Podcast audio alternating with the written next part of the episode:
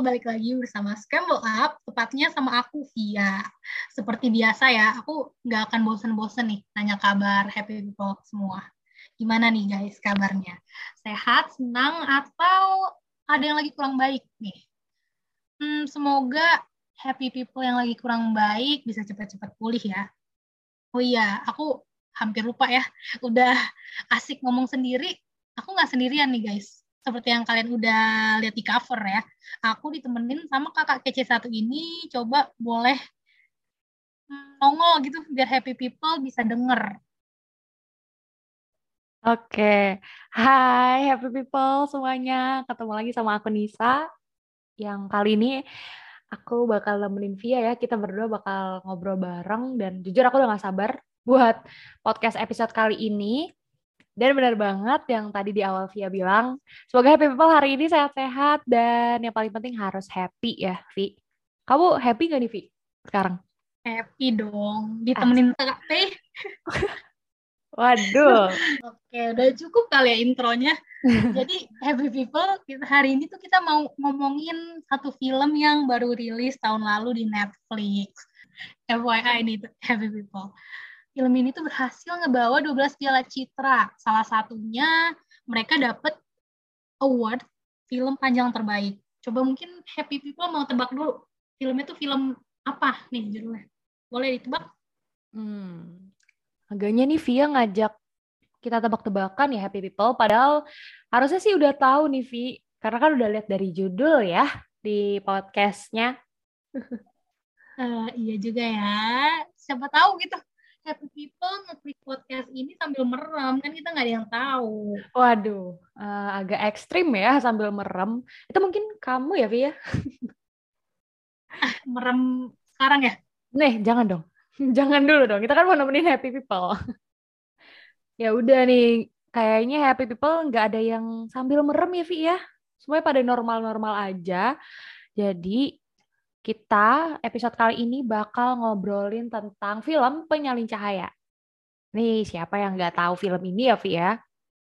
Bener banget. Kemarin udah mungkin udah sempat viral kali ya di iya, TikTok. Iya, betul, di mana-mana. di media sosial, bener-bener. Hmm, di mana-mana tuh udah viral banget. Tapi ya Happy People sebelumnya disclaimer kalau misalnya aku sama Via tuh bukan orang yang apa ya, belum bukan orang yang expert ya Via di dalam perfilman terutama di dalam teknik-teknik yang ada di dalam satu film gitu. Tapi kita berdua di sini bakal lebih ngebahas soal uh, premis, cerita, dan juga karakter-karakter yang diangkat dari film Penyalin Cahaya ini. Gitu ya, Happy People. Dan uh, nanti semuanya tuh yang bakal kita obrolin ya murni gitu hasil opini aja nih dari aku sama Via. Nah mungkin buat mengawali ya Vi, mungkin juga happy people yang lagi dengerin udah sampai di menit sekarang dengerin mikir nih dari tadi. Kenapa angkat film Penyalin Cahaya gitu dari sekian banyak film Indonesia yang bagus-bagus banget ya Vi di akhir tahun kemarin sampai mungkin sekarang gitu. Kenapa akhirnya kita berdua mau ngobrolin Penyalin Cahaya? Gimana nih Vi? Hmm, karena pasti karena topiknya ya. Oke. Okay. Karena nggak dibayar, kita nggak dibayar loh guys di sini. By the way, boleh sih kalau mau ngebayar nanti kontak aja ya. Nanti kita japri-japri aja. yang pasti karena topik yang diangkat ya. Bagi kalian yang nggak tahu, mungkin film ini tuh ngangkat isu kekerasan seksual yang terjadi di kampus nih teman-teman. Bisa dibilang film ini lumayan beda ya dari film-film lain. Tapi yang ngebuat kita pengen bahas juga nih Happy People karena cerita dari film ini juga sangat relate ya dengan kasus kekerasan seksual yang ada di kampus. Jadi eh, menarik sih kalau dijadiin bahan obrolan kita bisa diskusi-diskusi bareng gitu. Hmm, setuju setuju. Itu tadi benar banget pokoknya yang kita highlight kenapa kita akhirnya mau ngomongin film penyalin cahaya ini ya. Uh, karena mungkin karena kita berdua juga nih aku sama Via kan sekarang mahasiswi gitu di kampus kita sering udah bukan sering ya maksudnya nggak nggak jarang juga nih ngelihat uh, kejadian di kampus yang ternyata relate sama film ini gitu. Akhirnya ya udah ini kayaknya seru banget nih kalau misalnya kita mau obrolin bareng-bareng sama happy people. Nah mungkin aku cerita dikit dulu kali ya Vi tentang gambaran filmnya tuh kayak gimana? Nggak nggak sedikit boleh, boleh. Sebenarnya nggak sedikit ya, Vi. Jadi disclaimer juga nih buat happy people mungkin yang belum nonton filmnya nih saat ini juga. Ini bakal jadi spoiler kayaknya buat buat kamu nih. Tapi kalau misal kamu orang yang nggak masalah ya udah aku malah lebih suka denger spoiler kan. Pas banget nih dengerin podcast kita. Benar. Oke, jadi itu ya happy people. Uh, awal mulanya di film ini tuh ada satu pemeran utamanya namanya Suryani atau yang biasa dipanggil Sur. Jadi uh, Suryani ini tuh dia mahasiswa baru hitungannya, maba ya Vi ya. Kayak siapa ya maba ya? Gak tahu sih. Iya nggak tahu ya. Pokoknya uh, Suryani itu mahasiswa baru di kampus yang mana kan identik ya kalau misalnya mahasiswa baru tuh masih mau cari pengalaman. Aduh, berlindung di balik cari pengalaman gitu ya, mau explore banyak hal gitu. Tapi akhirnya Suryani ini memutuskan untuk ikut kegiatan teater di kampusnya, namanya Teater Cahaya. Tapi Suryani ini bukan sebagai pemain teaternya Happy People. Dia ikut volunteer di uh, apa ya website bagian website gitu loh website uh, nanti kalau misalnya ada publikasi dari teaternya misalnya menang itu dia tuh yang uh, urus segalanya lewat website yang dimiliki Teater Cahaya. Kayak gitu singkatnya. Terus akhirnya teater mereka tuh menang nih. Teater mereka menang. Terus karena untuk merayakan kemenangannya, jadi mau ngerayain party mereka. Pesta-pesta gitu lah, anak remaja ya kan, anak muda. Bukan remaja sih, anak muda gitu kan. Dapat kemenangan yang udah berbulan-bulan nih kalau namanya teater tuh kan pasti penuh perjuangan. Ya, ya? Oh, bener-bener. bener. Penuh perjuangan kan, apalagi sampai menang. Kira ngadain party di rumahnya Rama. Nah, Rama nih siapa? Rama nih eh, kakak tingkatnya di eh, teater cahaya ini. Yang mana dia sekaligus juga sutradara dari teater cahaya yang menang ini nih, lomba kemarin. Nah, mereka udah sepakat ngadain pesta, ngadain party gitu di rumahnya Rama, tapi awalnya tuh Suryani ini nggak mau datang gitu. Tapi Rama ini uh, tahu kalau misalnya Suryani, Suryani ini emang anak yang butuh apa ya butuh pekerjaan lah gitu. Dan kebetulan dia bisa ngelola web akhirnya dia nawarin Suryani kalau misalnya uh, ayahnya Rama nih butuh gitu orang yang bisa ngelola web perusahaannya website perusahaannya. Tapi dengan syarat ya udah Suryani datang ya lo lo datang ntar ketemu sama bokap gue di party kayak gitu ya udah dengan iming-iming pekerjaan itu Suryani bingung kan? Ya kali gue datang sendirian gitu kan. Akhirnya dia ngajak teman kecilnya namanya adanya nama teman kecilnya itu Amin. Awalnya uh, Amin tuh nolak gitu karena kayak ngapain sih? Nggak usah lah datang-datang party kayak gitu bahaya kayak gitu-gitu kan. Udah nih ada kata bahaya gitu kan. Tapi Suryani tuh kayak mm, ngebujuk gitu buat Amin mau nganterin dia Singkat cerita, akhirnya mereka berdua datang di party itu. Gitu, happy people. Aku lanjutin ya, happy people. Mungkin kakak Anissa ini udah capek gitu dari tadi ceritain. Jadi kan akhirnya sore ini datanglah ke party. Mereka uh, seneng-seneng nih. Uh, joget-joget, minum-minum gitu. Sampai akhirnya uh, si Suryani ini bisa dibilang teler ya, teman-teman.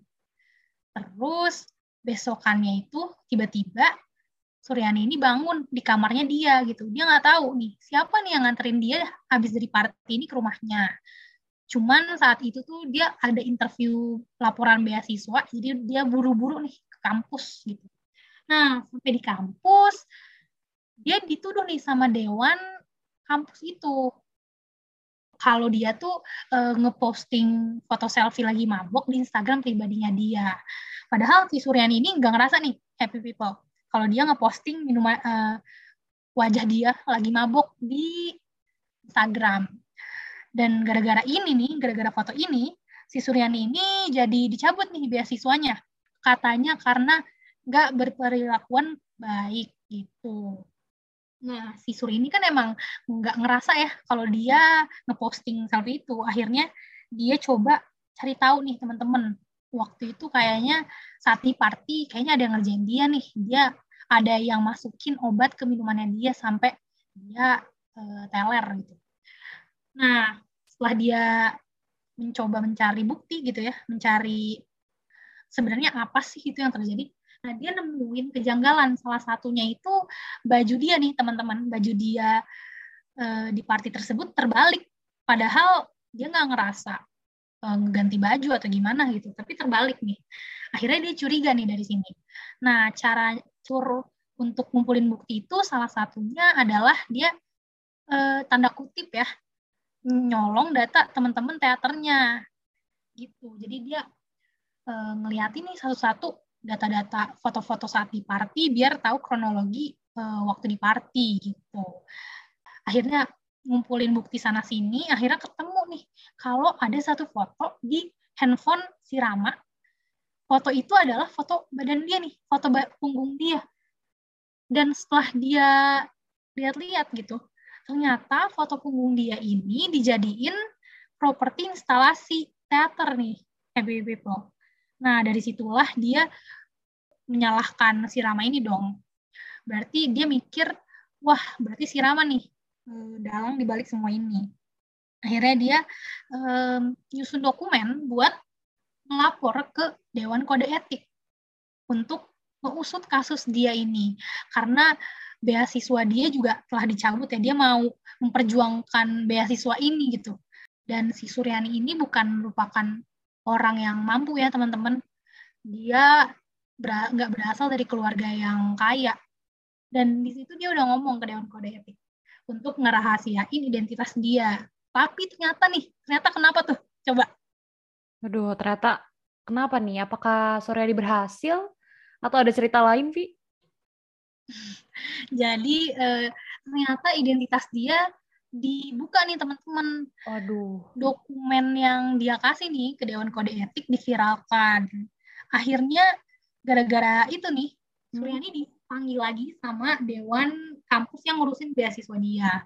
Di sana dia dibilang mencemarkan nama baik si Rama ini, eh, memviralkan tuduhan dokumen yang dia buat gitu. Padahal Suryani nggak ngelakuin itu.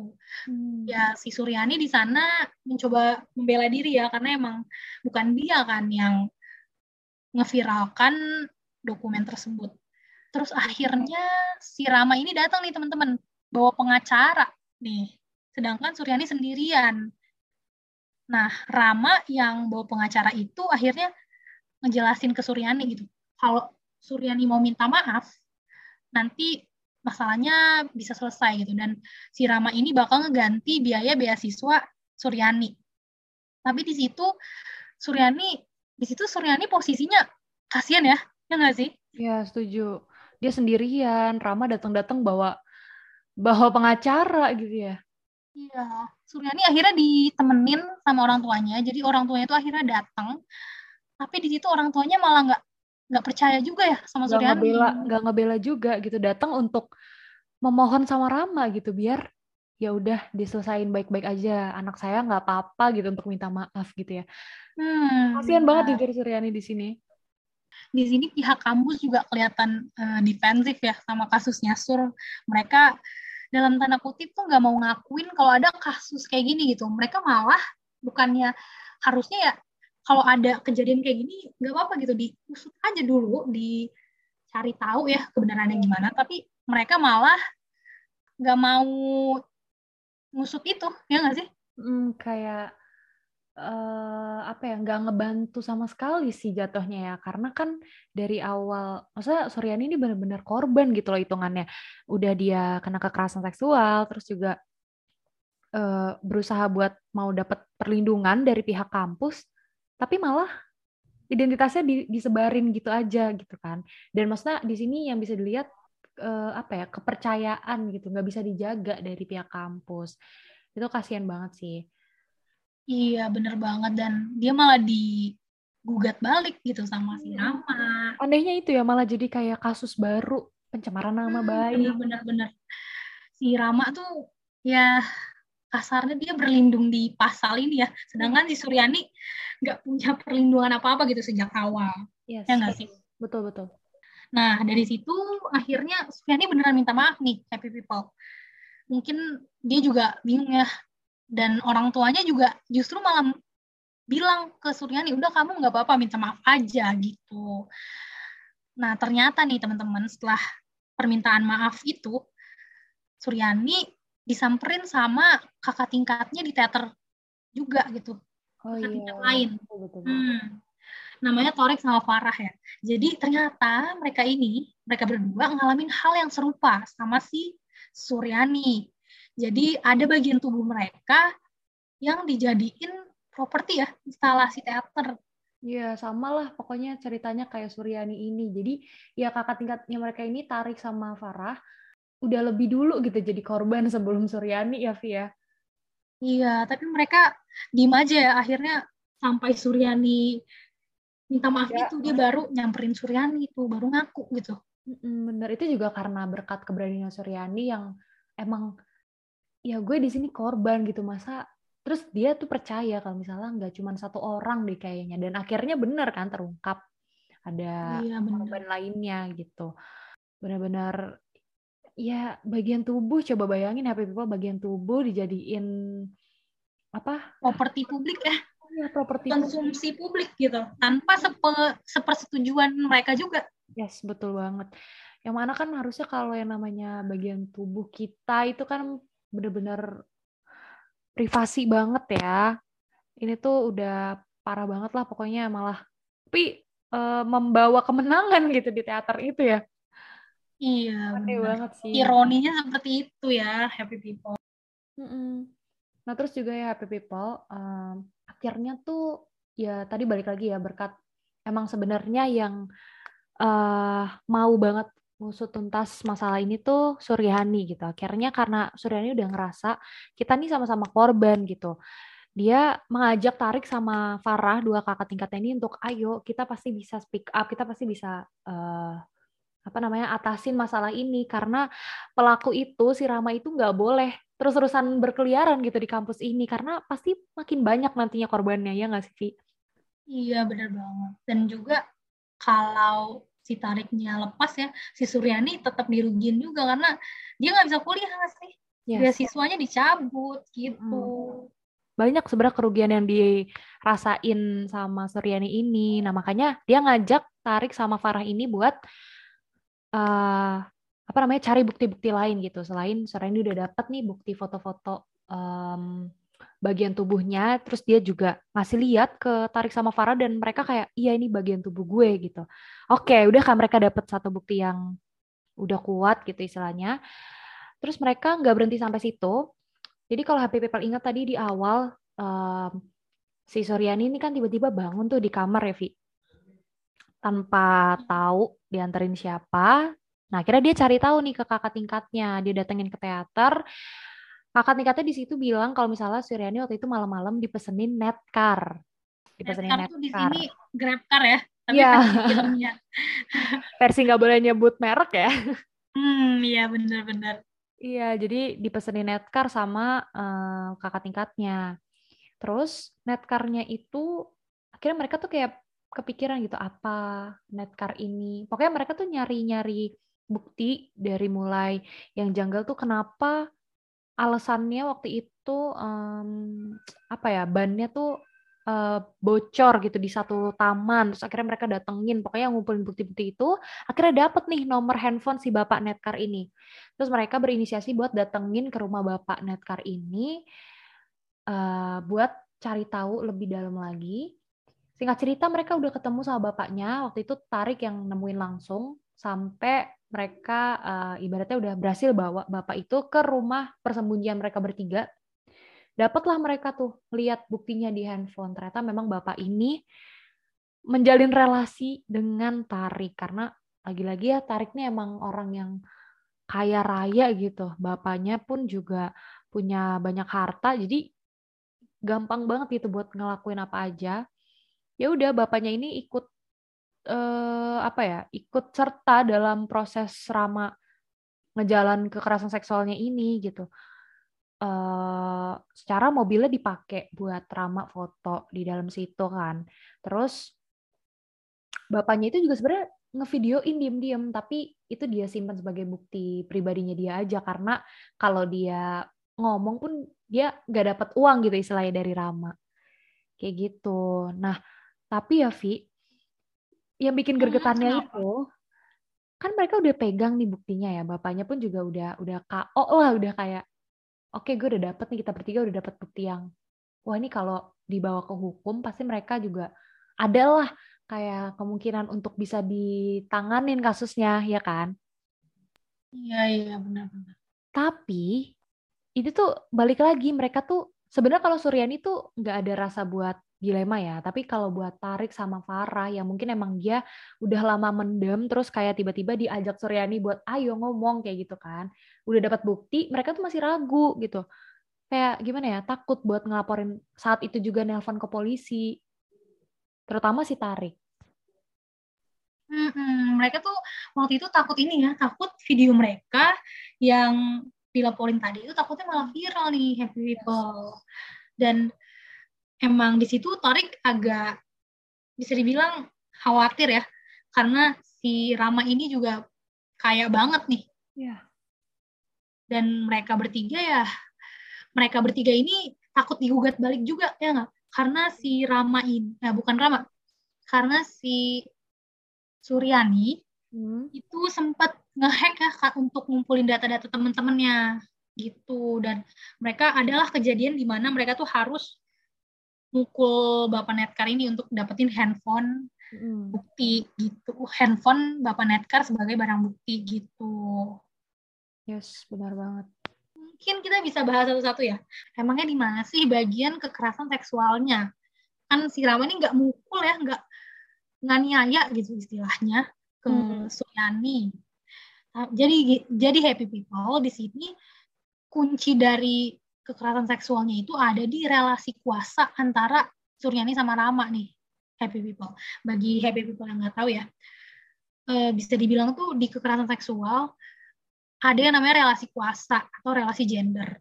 Nah di kasusnya Sur sama Rama dua-duanya ada nih relasinya. Yang pertama relasi gender ya. Si Suryani ini kan perempuan dan si Rama ini laki-laki ya. Dan yang kedua relasi kuasa itu sendiri di mana Rama ini di sini senior dan dia punya uh, punya kekuasaan lah ya karena dia juga hmm, ya benar-benar punya kekuasaan ya. Hmm, udah ya, lebih dulu ada di kampus itu.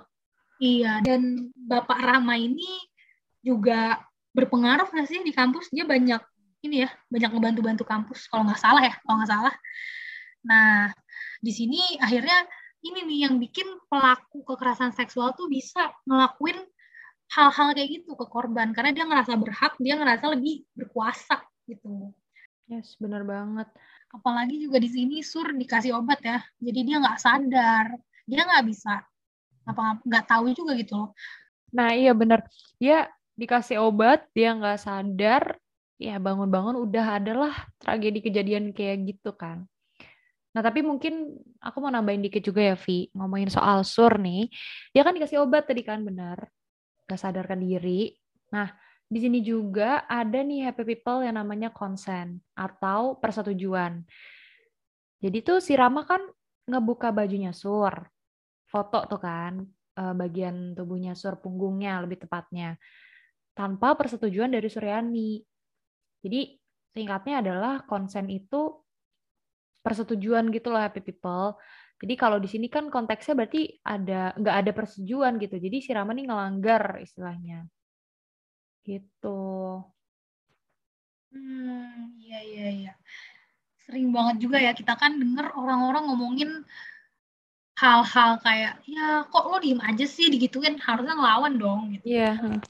Padahal kalau korban diem juga sebenarnya bukan berarti ya dia mau gitu untuk diperlakuin kayak gitu. Karena balik lagi tadi ada banyak faktor salah satunya kayak relasi kuasa tadi ya nggak?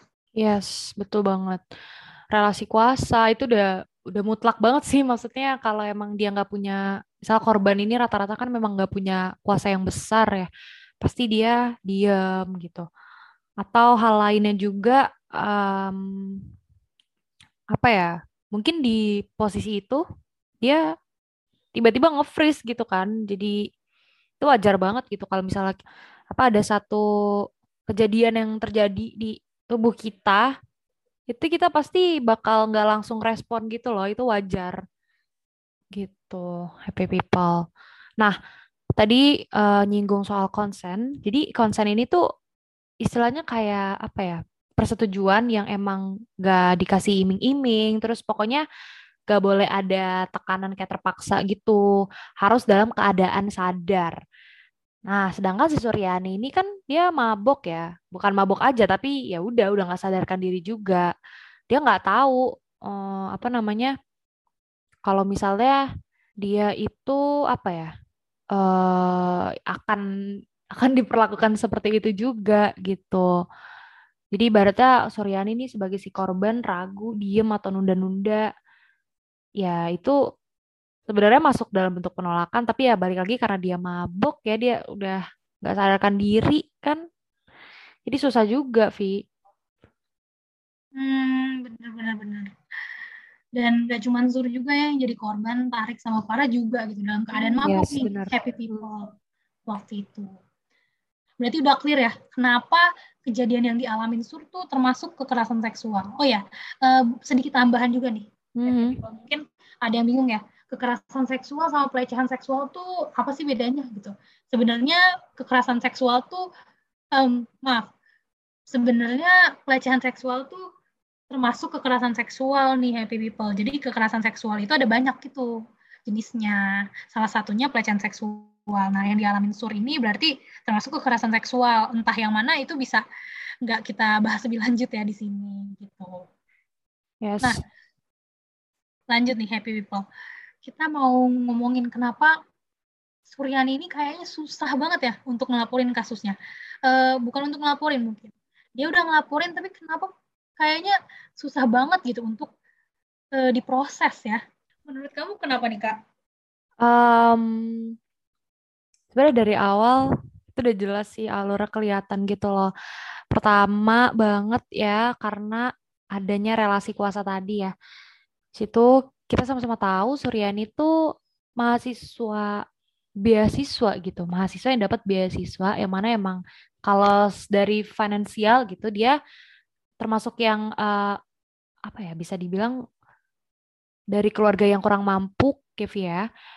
Nah, dibanding sama si uh, pelakunya ini si Rama, itu dia uh, latar belakang keluarganya tuh benar-benar uh, apa namanya kaya raya, terus ayahnya pun juga sering banyak bantu dari kampus ataupun teater yang dibangun sama Rama ini gitu. Jadi dari situ kekuasaan yang dimiliki sama antara Rama sama Suryani aja udah beda. Jadi itu susah banget buat terungkap lah gitu apa yang dirasain sama Suryani. Terus habis itu menurut aku juga dari pihak kampusnya sendiri sih.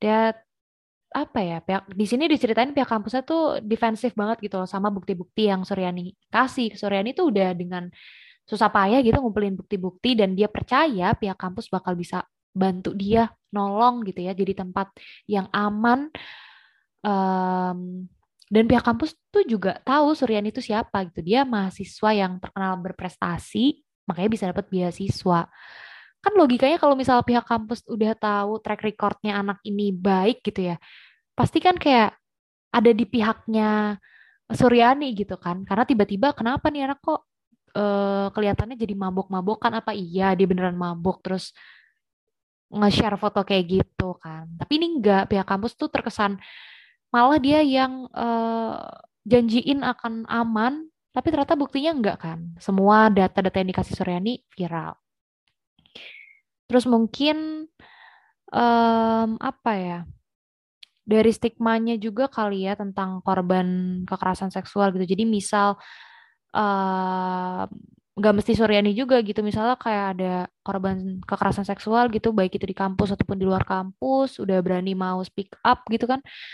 Tapi responnya tuh malah apa ya bikin jadi ngejatohin si iya uh, jadi si korban tuh malah jadi mikir dua kali harusnya kayaknya gue nggak usah cerita eh kali ya gitu itu itu juga salah satu hal yang memperlambat ataupun kayak nggak membantu sih untuk mengusut kasus-kasus kekerasan seksual benar-benar dan aku juga pernah baca nih mm-hmm. jadi gini katanya uh, menurut data ya hmm. data itu emang korban-korban kekerasan seksual nih kebanyakan ngelaporin kasusnya itu kasus lama gitu. Jadi bukan yang udah yang kasus-kasus yang masih fresh yang mereka laporin. Dan bisa jadi karena stigma itu ya stigma negatif dan uh, penundaan ini juga sebenarnya bisa dibilang menyulitkan mereka nggak sih? Karena kasusnya udah lama baru dilaporin, buktinya makin susah dicari, ya kan? Iya, benar-benar. Tapi balik lagi juga gitu. Jadi korban juga susah ya kalau kita coba kita taruh posisi kita di posisi korban. Kalau kita dapat kekerasan seksual pasti kita bingung nggak sih harus ngapain? Ya nggak? Karena stigmanya juga masih jelek kan. Masih terlalu kuat juga gitu loh buat dipatahkan kayak orang yang jadi korban kekerasan seksual tuh harus kita terima gitu. Itu masih hmm. susah juga. Terus juga kadang ya apa ya dari pihak-pihak yang hmm, apa ya berlindung di balik akan membantu itu memaksa atau bukan memaksa ya, maksudnya meminta bukti-bukti yang valid yang kalau bisa yang kuat gitu. Sedangkan kejadian kekerasan seksual maksudnya yang ibaratnya kita jadi korban itu juga satu hal yang apa ya nggak kita harapin terjadi gitu. Kalau misal kita tahu kita bakal jadi korban, kita juga udah prepare buat nyiapin bukti-bukti nggak sih? Kayak misal kita udah prepare buat apa record apa gitu. Enggak. Hmm, bener banget. hmm Itu cepet banget gitu loh kejadiannya. Dan di sini Sur tuh sebenarnya termasuk orang yang berani nggak sih? Yes, benar. Benar. Karena kebanyakan justru orang nggak mampu gitu loh untuk ngakuin kalau dia dapat kekerak tindak kekerasan seksual ini. Iya, setuju banget. Uh, mungkin ya itu tadi ya karena dia juga masih mahasiswa baru, hitungannya ya ya udah belum ada kayak pikiran nanti kalau gue hmm, ngelangkah kayak gini salah atau enggak ya udahlah biarin aja. Gue juga belum terlalu banyak kenal orang gitu kan. Jadi dia maju dengan dirinya sendiri gitu ya. Sebenarnya cara-cara dia cukup cukup apa ya? Hmm, bisa dibilang tenggil gak sih? Soalnya kayak ada sempet scene yang dia ngehack uh, foto-foto apa file-file data orang-orang terus ngumpulin bikin riuh persiapan teater yang demi demi ngebantu dia apa ya buktiin kalau misalnya itu semua jebakan kayak gitu-gitu kan sebenarnya juga cukup itu kan cara-caranya si Suryani ini tapi bagus berani dong justru dia mm. kayak kalau aku jadi dia mungkin aku nggak akan seberani itu gitu yeah, yeah. dan kalau kita lihat ya um, si Suryani ini kan contoh gitu ya contoh korban kekerasan seksual yang uh, akhirnya ngelaporin kasusnya gitu. Dan mm. kita bisa lihat juga proses yang dia jalanin ketika dia melapor tuh juga nggak gampang gitu. Jadi dari awal sebenarnya korban kekerasan seksual tuh banyak banget dilemanya. Kalau dia speak up susah gitu. Ketika dia speak up dan terus apa? Mau ngelaporin emang bakal selesai gitu kasus kasusnya. Itu banyak banget dilema yang ada di korban ironinya juga ya waktu si Suryani ngelapor dia malah dituntut balik sama si Rama hmm. dari cerita tadi ya berarti kan korban kekerasan seksual tuh ngel ngelaluin banyak banget hmm, kalau bisa dibilang hal-hal yang berat ya ada nggak sih menurut kamu nih dampak yang didapat gitu ke korban? Kalau ngomongin dampak itu jelas ada banget ya happy people yang namanya ada depannya nih ada kata-kata kekerasan aja tuh itu udah pasti kena dampak gitu. Nah kalau misalnya dari kita ambil hal yang terjadi sama Suryani ini gitu, kalau dari dampak mungkin psikisnya dulu gitu ya, ya dia pasti bakal bener-bener trauma itu yang dirasain gitu ya. Karena ibaratnya aduh badan gue udah diapain nih gitu kan udah udah nggak jadi privacy pasti trauma kan. Apalagi dilihat banyak orang terus traumanya ini kalau dia nggak kuat ya bisa berujung jadi takut ketemu orang di luar sana. Uh, bahkan orang terdekatnya atau lingkup keluarganya sendiri bisa jadi takut juga kan karena ngerasa orang yang ngapa-ngapain gue itu juga manusia gitu. Jadi gue harus percaya lagi sama manusia. Itu kan pasti ada pikiran-pikiran kayak gitu. Atau kalau belum lagi kalau emang beneran ngerasa nggak kuat banget jadinya depresi. Dan yang paling parah tuh ini tapi ya banyak nih mah bahkan kayak dia nggak kuat depresi akhirnya bunuh diri gitu. Karena ya itu tadi ngerasa udah nggak ada gunanya gue hidup gitu. Apalagi kalau misalnya kasus-kasusnya itu uh, misalnya nih berujung kayak banyak banget nih kemarin juga berita-berita yang lagi uh, naik tuh di akhir tahun mahasiswi-mahasiswi dari be beberapa kampus terlibat kasus kayak kekerasan seksual gini bahkan sampai hamil terus gak, gak bertanggung jawab. Ya akhirnya ibu dan anaknya uh, meninggal dunia gitu kan. Itu kan juga dampak dari itu tadi kekerasan-kekerasan ini kekerasan seksual ini. Terus kalau fisiknya mungkin ya pasti ada. Kalau emang si pelaku ini ngelakuin hal yang parah ya Vi itu pasti bakal ada bekas sih. Hmm, ya benar benar benar. entah itu lebam, entah itu kayak warna apa kayak luka itu pasti ada. Sebenarnya kelihatan banget loh Suryan ini sebenarnya takut, ya nggak sih? Yeah. Tapi dia eh, agak bisa dibilang mendem itu gitu. Dia milih untuk bersuara dan ngumpulin bukti-bukti karena kalau yang aku amatin ya hmm. selama pengusutan mandiri Suryani hmm. dia nggak jarang banget gitu nangis dan depresif gitu ya nunjukin sifat yang depresif gitu. Tapi ketika dia digonceng sama ibunya di situ barulah dia nangis. Waktu itu ibunya bilang Surya, Suryani kamu tuh kenapa sih? Lo tuh kenapa sih? Dan itu mungkin Suryani nggak bisa berkata-kata lagi dan udah mendem ya. Akhirnya dia, dia cuma bisa nangis di situ. Dan kelihatan kalau sebenarnya Suryani itu bingung takut. Tapi ya mau gimana? Iya, mau gimana dia harus tetap maju gitu memperjuangkan. Apa setidaknya orang tuh nggak terus-terusan percaya sama si pelaku ini gitu. Cuma benar banget tadi pas si ibunya ya untungnya masih uh, percaya gitu sama anaknya. Dan karena emang di situ ada part yang ibunya bilang sur lo tuh anak gue jadi gue tahu lo kenapa gitu. Gue percaya uh, apa namanya anak gue ini emang lagi kenapa-napa gitu kan emang cara komunikasi mereka berdua tuh uh, terdengarnya kayak apa ya kayak kayak kasar gitu ya. Tapi sebenarnya ya itu bentuk kepedulian ibunya juga. Dan akhirnya Soreni bisanya nangis gitu kan. Iya benar. Oke oke. Uh, aku kita kan dari tadi udah bahas ya. Dari bisa bisa dibilang analisis dari filmnya gitu. Um, aku mau tanya ada nggak sih kira-kira part paling disuka gitu dan kenapa dari film ini? Oke, okay. uh, eh, kalau aku ya Happy People mungkin Hmm, kalau aku sendiri, aku suka banget di part yang akhir nih, Vi, dan juga Happy People. Jadi, uh, ini pas mereka bertiga nih, si Suryani, Tarik, sama Farah udah nemuin buktinya itu di satu rumah persembunyian mereka, mereka tinggal nge uh, ngehubungin polisi, tapi akhirnya gagal kan. Dan di part terakhir itu part uh, akhirnya ter ter apa ya? muncullah nih si pelaku itu benar-benar kayak di diliatin secara jelas gitu kalau emang pelakunya si Rama karena kan dari awal tuh ibaratnya masih cuma tanda-tanda doang kan kita masih nebak-nebak banget nih jujur selama nonton film ini kayak oh pasti dia nih pelakunya jujur waktu waktu awal nebak si tarik pelakunya kan.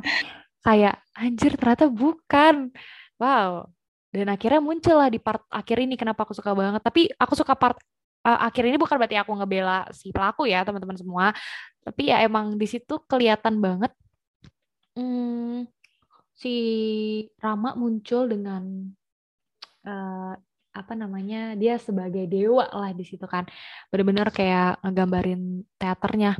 Itu puncak teatrikalnya sebenarnya di situ tuh. Iya, teater iya, cahayanya ya kan? Paham banget nih Via soal teater kayaknya. Aduh um, lanjut lanjut lanjut.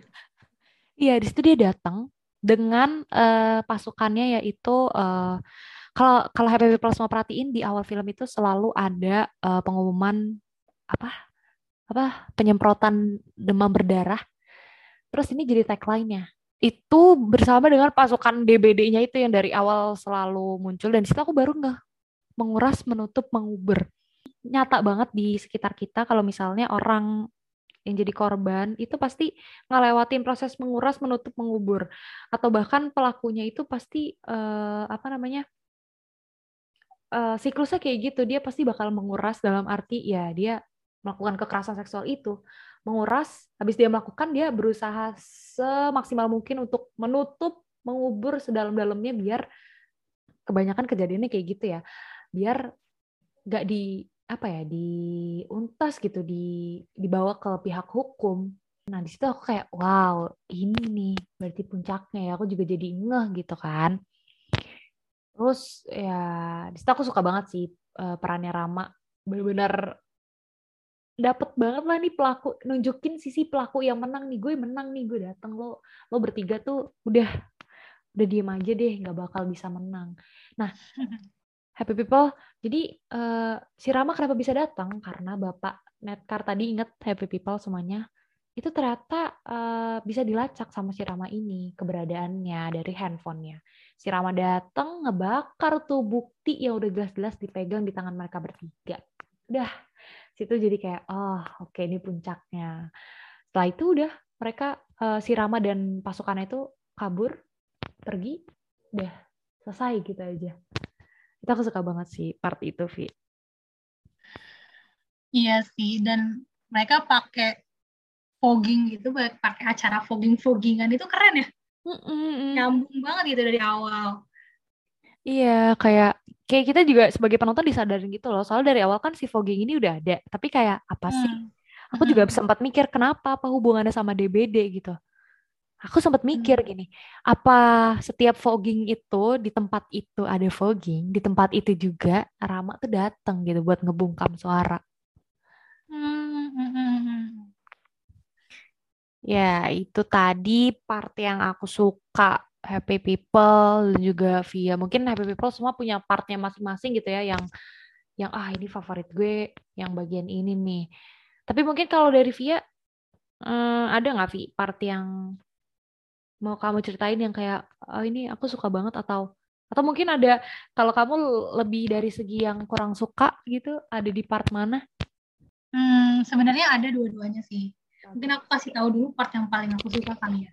Boleh boleh part yang paling aku suka tuh ending di mana mereka ngedorong mesin fotokopi sendirian. Oh iya, iya benar. Parah sama si hmm, Suryani. Suryani, iya ya. Menurut aku, aku mikirnya, aku ngertiin itu tuh sebagai kayak uh, emang bener-bener korban kalau korban kekerasan seksual itu bener-bener terpaksa untuk berjuang sendirian gitu. Ya, benar. Mereka uh, ya itu tadi ya dari tadi yang kita bahas. Gitu. Entah itu orang-orang nggak percaya atau stigma-stigma tadi gitu. Dan mesin fotokopi ini juga jadi kunci ya. Kita dari tadi belum sempat bahas nih mesin fotokopi. Padahal nama filmnya kan nama filmnya sendiri fotokopier. Jadi mesin fotokopi bener banget hmm, apa ya jadi kunci banget nih dari cerita ini Berarti tuh jadi alat ya Via buat mereka. Di saat mereka benar-benar udah nggak ada tempat buat dipercaya atau untuk yang bakal ngebantu mereka tempat mereka buat harus ngelapor ke mana ya udah mereka bergerak sendiri pakai fotokopi itu mesin fotokopi itu. Iya. Dan di sini mungkin fotokopi mesin fotokopi ini tuh adalah penggambaran media sosial ya banyak korban-korban kekerasan seksual yang memakai media sosial untuk speak up gitu, untuk mencari pertolongan karena mereka akan ngerasa lebih didengar gitu sama orang-orang. Dan di sini ditunjukin nih ketika scene itu mereka akhirnya ngefotokopi cerita mereka nih. Dan mereka menyebarin gitu ke publik, mereka tebarin tuh dari rooftop gitu. Hmm. Dan akhirnya orang-orang kampus tuh melihat gitu. Nah, dari situ biasanya akan muncul-muncul lagi korban-korban kekerasan seksual yang mau speak up juga nih. Oh, gue ngalamin kejadian yang sama sama uh, sama lo gitu. Dan ya Indian korban-korban kekerasan seksual cuman punya cerita gitu. Ya enggak? Iya, benar Tapi menurut aku, aku setuju sih itu juga salah satu part yang oke okay banget. Tapi memicu apa ya keramaian loh sama warganet karena mungkin ada beberapa uh, netizen yang habis nonton film ini kayak apa sih kok uh, bawa-bawa mesin fotokopi terus kayak dilempar-lempar kayak gitu terus tapi ada juga yang uh, jadi berpendapat uh, itu sebenarnya cara Suryan yang salah satunya berhasil gitu karena secara nggak langsung tadi banyak banget yang ikut uh, caranya dia buat naik ke atas gedung itu benar-benar jadi banyak banget. Dan sampai akhirnya si lembaran-lembaran kertas yang dihamburin itu nyampe tuh di depan uh, di bawah kakinya si Rama. Ya Via? Iya benar-benar benar oh iya mungkin tadi Kak Anissa juga sempat nanya ya part yang kurang yang aku kurang suka tuh ada nggak gitu hmm. sebenarnya aku kurang suka endingnya ya endingnya di mana nggak happy ending ya kalau orang-orang bilang Iya betul. Di mana kayak uh, udah nih si Suryani dapat suara ya intinya, tapi apa gitu kelanjutan kasusnya? Hmm. Apa gitu pelaku tuh bakal diapain itu nggak ada. Tapi mungkin um, emang itu tujuannya dibuat ending yang kayak gini karena sutradaranya tuh mau nunjukin kalau pada saat itu ya kasus kekerasan seksual tuh ya begini endingnya gitu. Nggak akan selesai. Akan sulit untuk selesai gitu. Walaupun sekarang akhirnya ngomong-ngomongin soal kasus ini ya setelah film itu rilis langsung keluar RUU PKS kampus ya nggak? Itu kebetulan oh, iya. banget loh. Iya iya hmm. benar-benar. Makanya film ini langsung benar-benar jadi pembicaraan uh, banyak terutama mahasiswa-mahasiswi sih. Itu langsung mm-hmm. booming banget menurut aku sih uh, pemainnya berhasil banget ya. Dan ya sutradaranya pun juga berhasil uh, bikin film yang sebenarnya sederhana gitu. Pengen kita tuh mudah mengerti dan diangkat dari hal-hal yang emang terjadi di sekitar kita gitu. Terutama mungkin di ranah kampus. Makanya ya itu tadi ya Vi. Agak jadi ya udah kelar mereka dapat dukungan udah gitu benar-benar karena emang kenyataannya juga kayak gitu ya. Yes.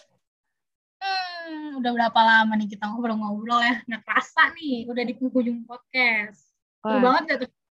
Seru sih seru. Aku kayak uh, sebenarnya aku udah lama kan nonton film ini. Cuman jadi mengingat kembali gitu. Jadi kayak oh ya lebih aware lagi deh gitu. Dan juga um, lebih ingat lagi aja sih sama apa ya kasus kekerasan seksual tuh ternyata emang gak sedikit terjadi di sekitar kita. Kayak ibaratnya kayak iceberg ya. Iya. Oke oke. Oh iya satu lagi nih mau tambahin sebelum closing ini beneran abis ini closing. Oh my god, oke. Okay. Apa tuh sih? Sama yang aku suka juga tuh karakter Sur di sini digambarin jadi salah satu korban yang bersuara gitu. kayak nggak kebayang kalau misalnya suruh digambarinnya secara depresif gitu hmm. itu akan lebih triggering nggak sih yeah. untuk orang-orang eh, korban-korban gitu.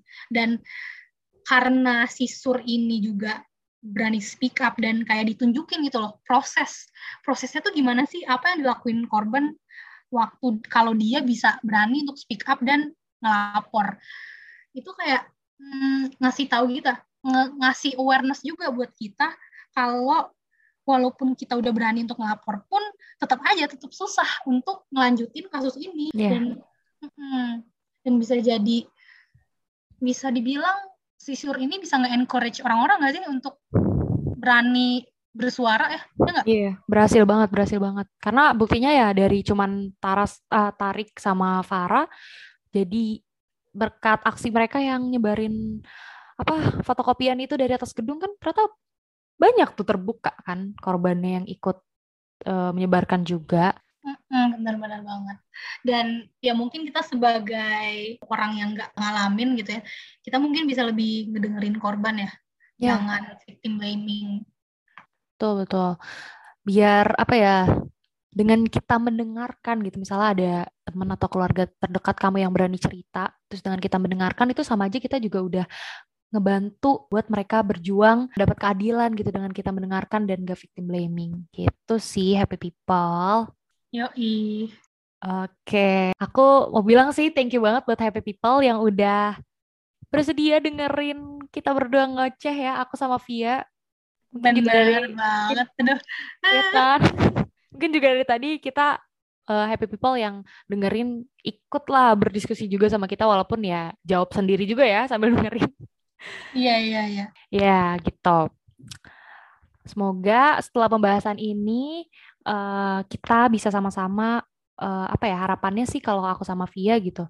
Kita bisa lebih banyak lagi nih dengar kabar baik yang datang dari ranah hukum di Indonesia terutama ya dari masalah-masalah kekerasan seksual. Dan jangan cuma dengerin episode ini aja ya. Siapa tahu happy people di sini lagi prokrastinasi nih. Aduh. Nontonin podcast kita, mungkin boleh ya uh, nonton podcast episode keberapa ya? 29 tentang 29. prokrastinasi. Iya betul. Atau juga mungkin happy people yang kayak eh baru banget nih abis cerita ke temennya, tapi mikir oversharing gak ya? Nah, boleh tuh Hmm, dengerin Boleh. dengerin episode em, keberapa tuh ya? 30. Yes. Tiga, satu kayaknya. 31, 30. Jangan lupa nih, jangan cuma dengerin episode sebelumnya juga ya. Next episode juga harus ditunggu-tunggu nih sama Iya. Happy People. Dengerin juga. Kita Hmm. bakal bahas-bahas, sharing-sharing, ngobrol- ngobrol-ngobrol tentang cerita-cerita seru, topik-topik yang lebih seru juga pastinya. Dan pastinya narsum-narsum ke depannya mungkin akan lebih seru ya, lebih keren, lebih kece. Iya, atau happy people ada mau saran narsum kan boleh langsung aja sih bilang sama kita ya. Boleh, boleh, boleh. Atau ada yang mau jadi narsum nih, ya Nah, nggak? gitu. Itu sih yang kita tunggu-tunggu ya. kenalan ya, membuat Iya. menjalin relasi. Aduh, relasi banget tuh. Oke deh, happy people. Pokoknya tungguin juga next episode dari Scramble Up. Karena kayaknya sih denger-denger ada yang baru nih. Apa? Apa tuh? Yang baru nih. Makanya terus nanti next episode dari The Scramble Up. Nah, happy people, kita udah benar-benar di akhir ya, Vi. Iya, iya. Abis ini kita nggak bakal ngoceh-ngoceh lagi. Ini udah beneran terakhir. Eh, tapi ini beneran terakhir banget dari aku. Apa tuh? Aku mau bilang buat happy people, buat happy people, jangan lupa buat terus dengerin podcastnya Scramble Up dan mungkin follow dari sosial medianya The Smile Egg Indonesia biar eh, update terus nih sama informasi-informasi yang lagi happening apa sih karena di Instagramnya eh, The Smile Egg tuh banyak banget loh informasi yang aku sendiri juga baru tahu nih karena adanya informasi di Instagram itu gitu. Kamu udah follow belum Vi? Udah dong. Udah pakai second, udah pakai third, udah pakai eh, semua-semuanya. Semua akun ya boleh tuh happy people diikutin caranya Via. Bikin akun dulu ya kalau yang nggak punya.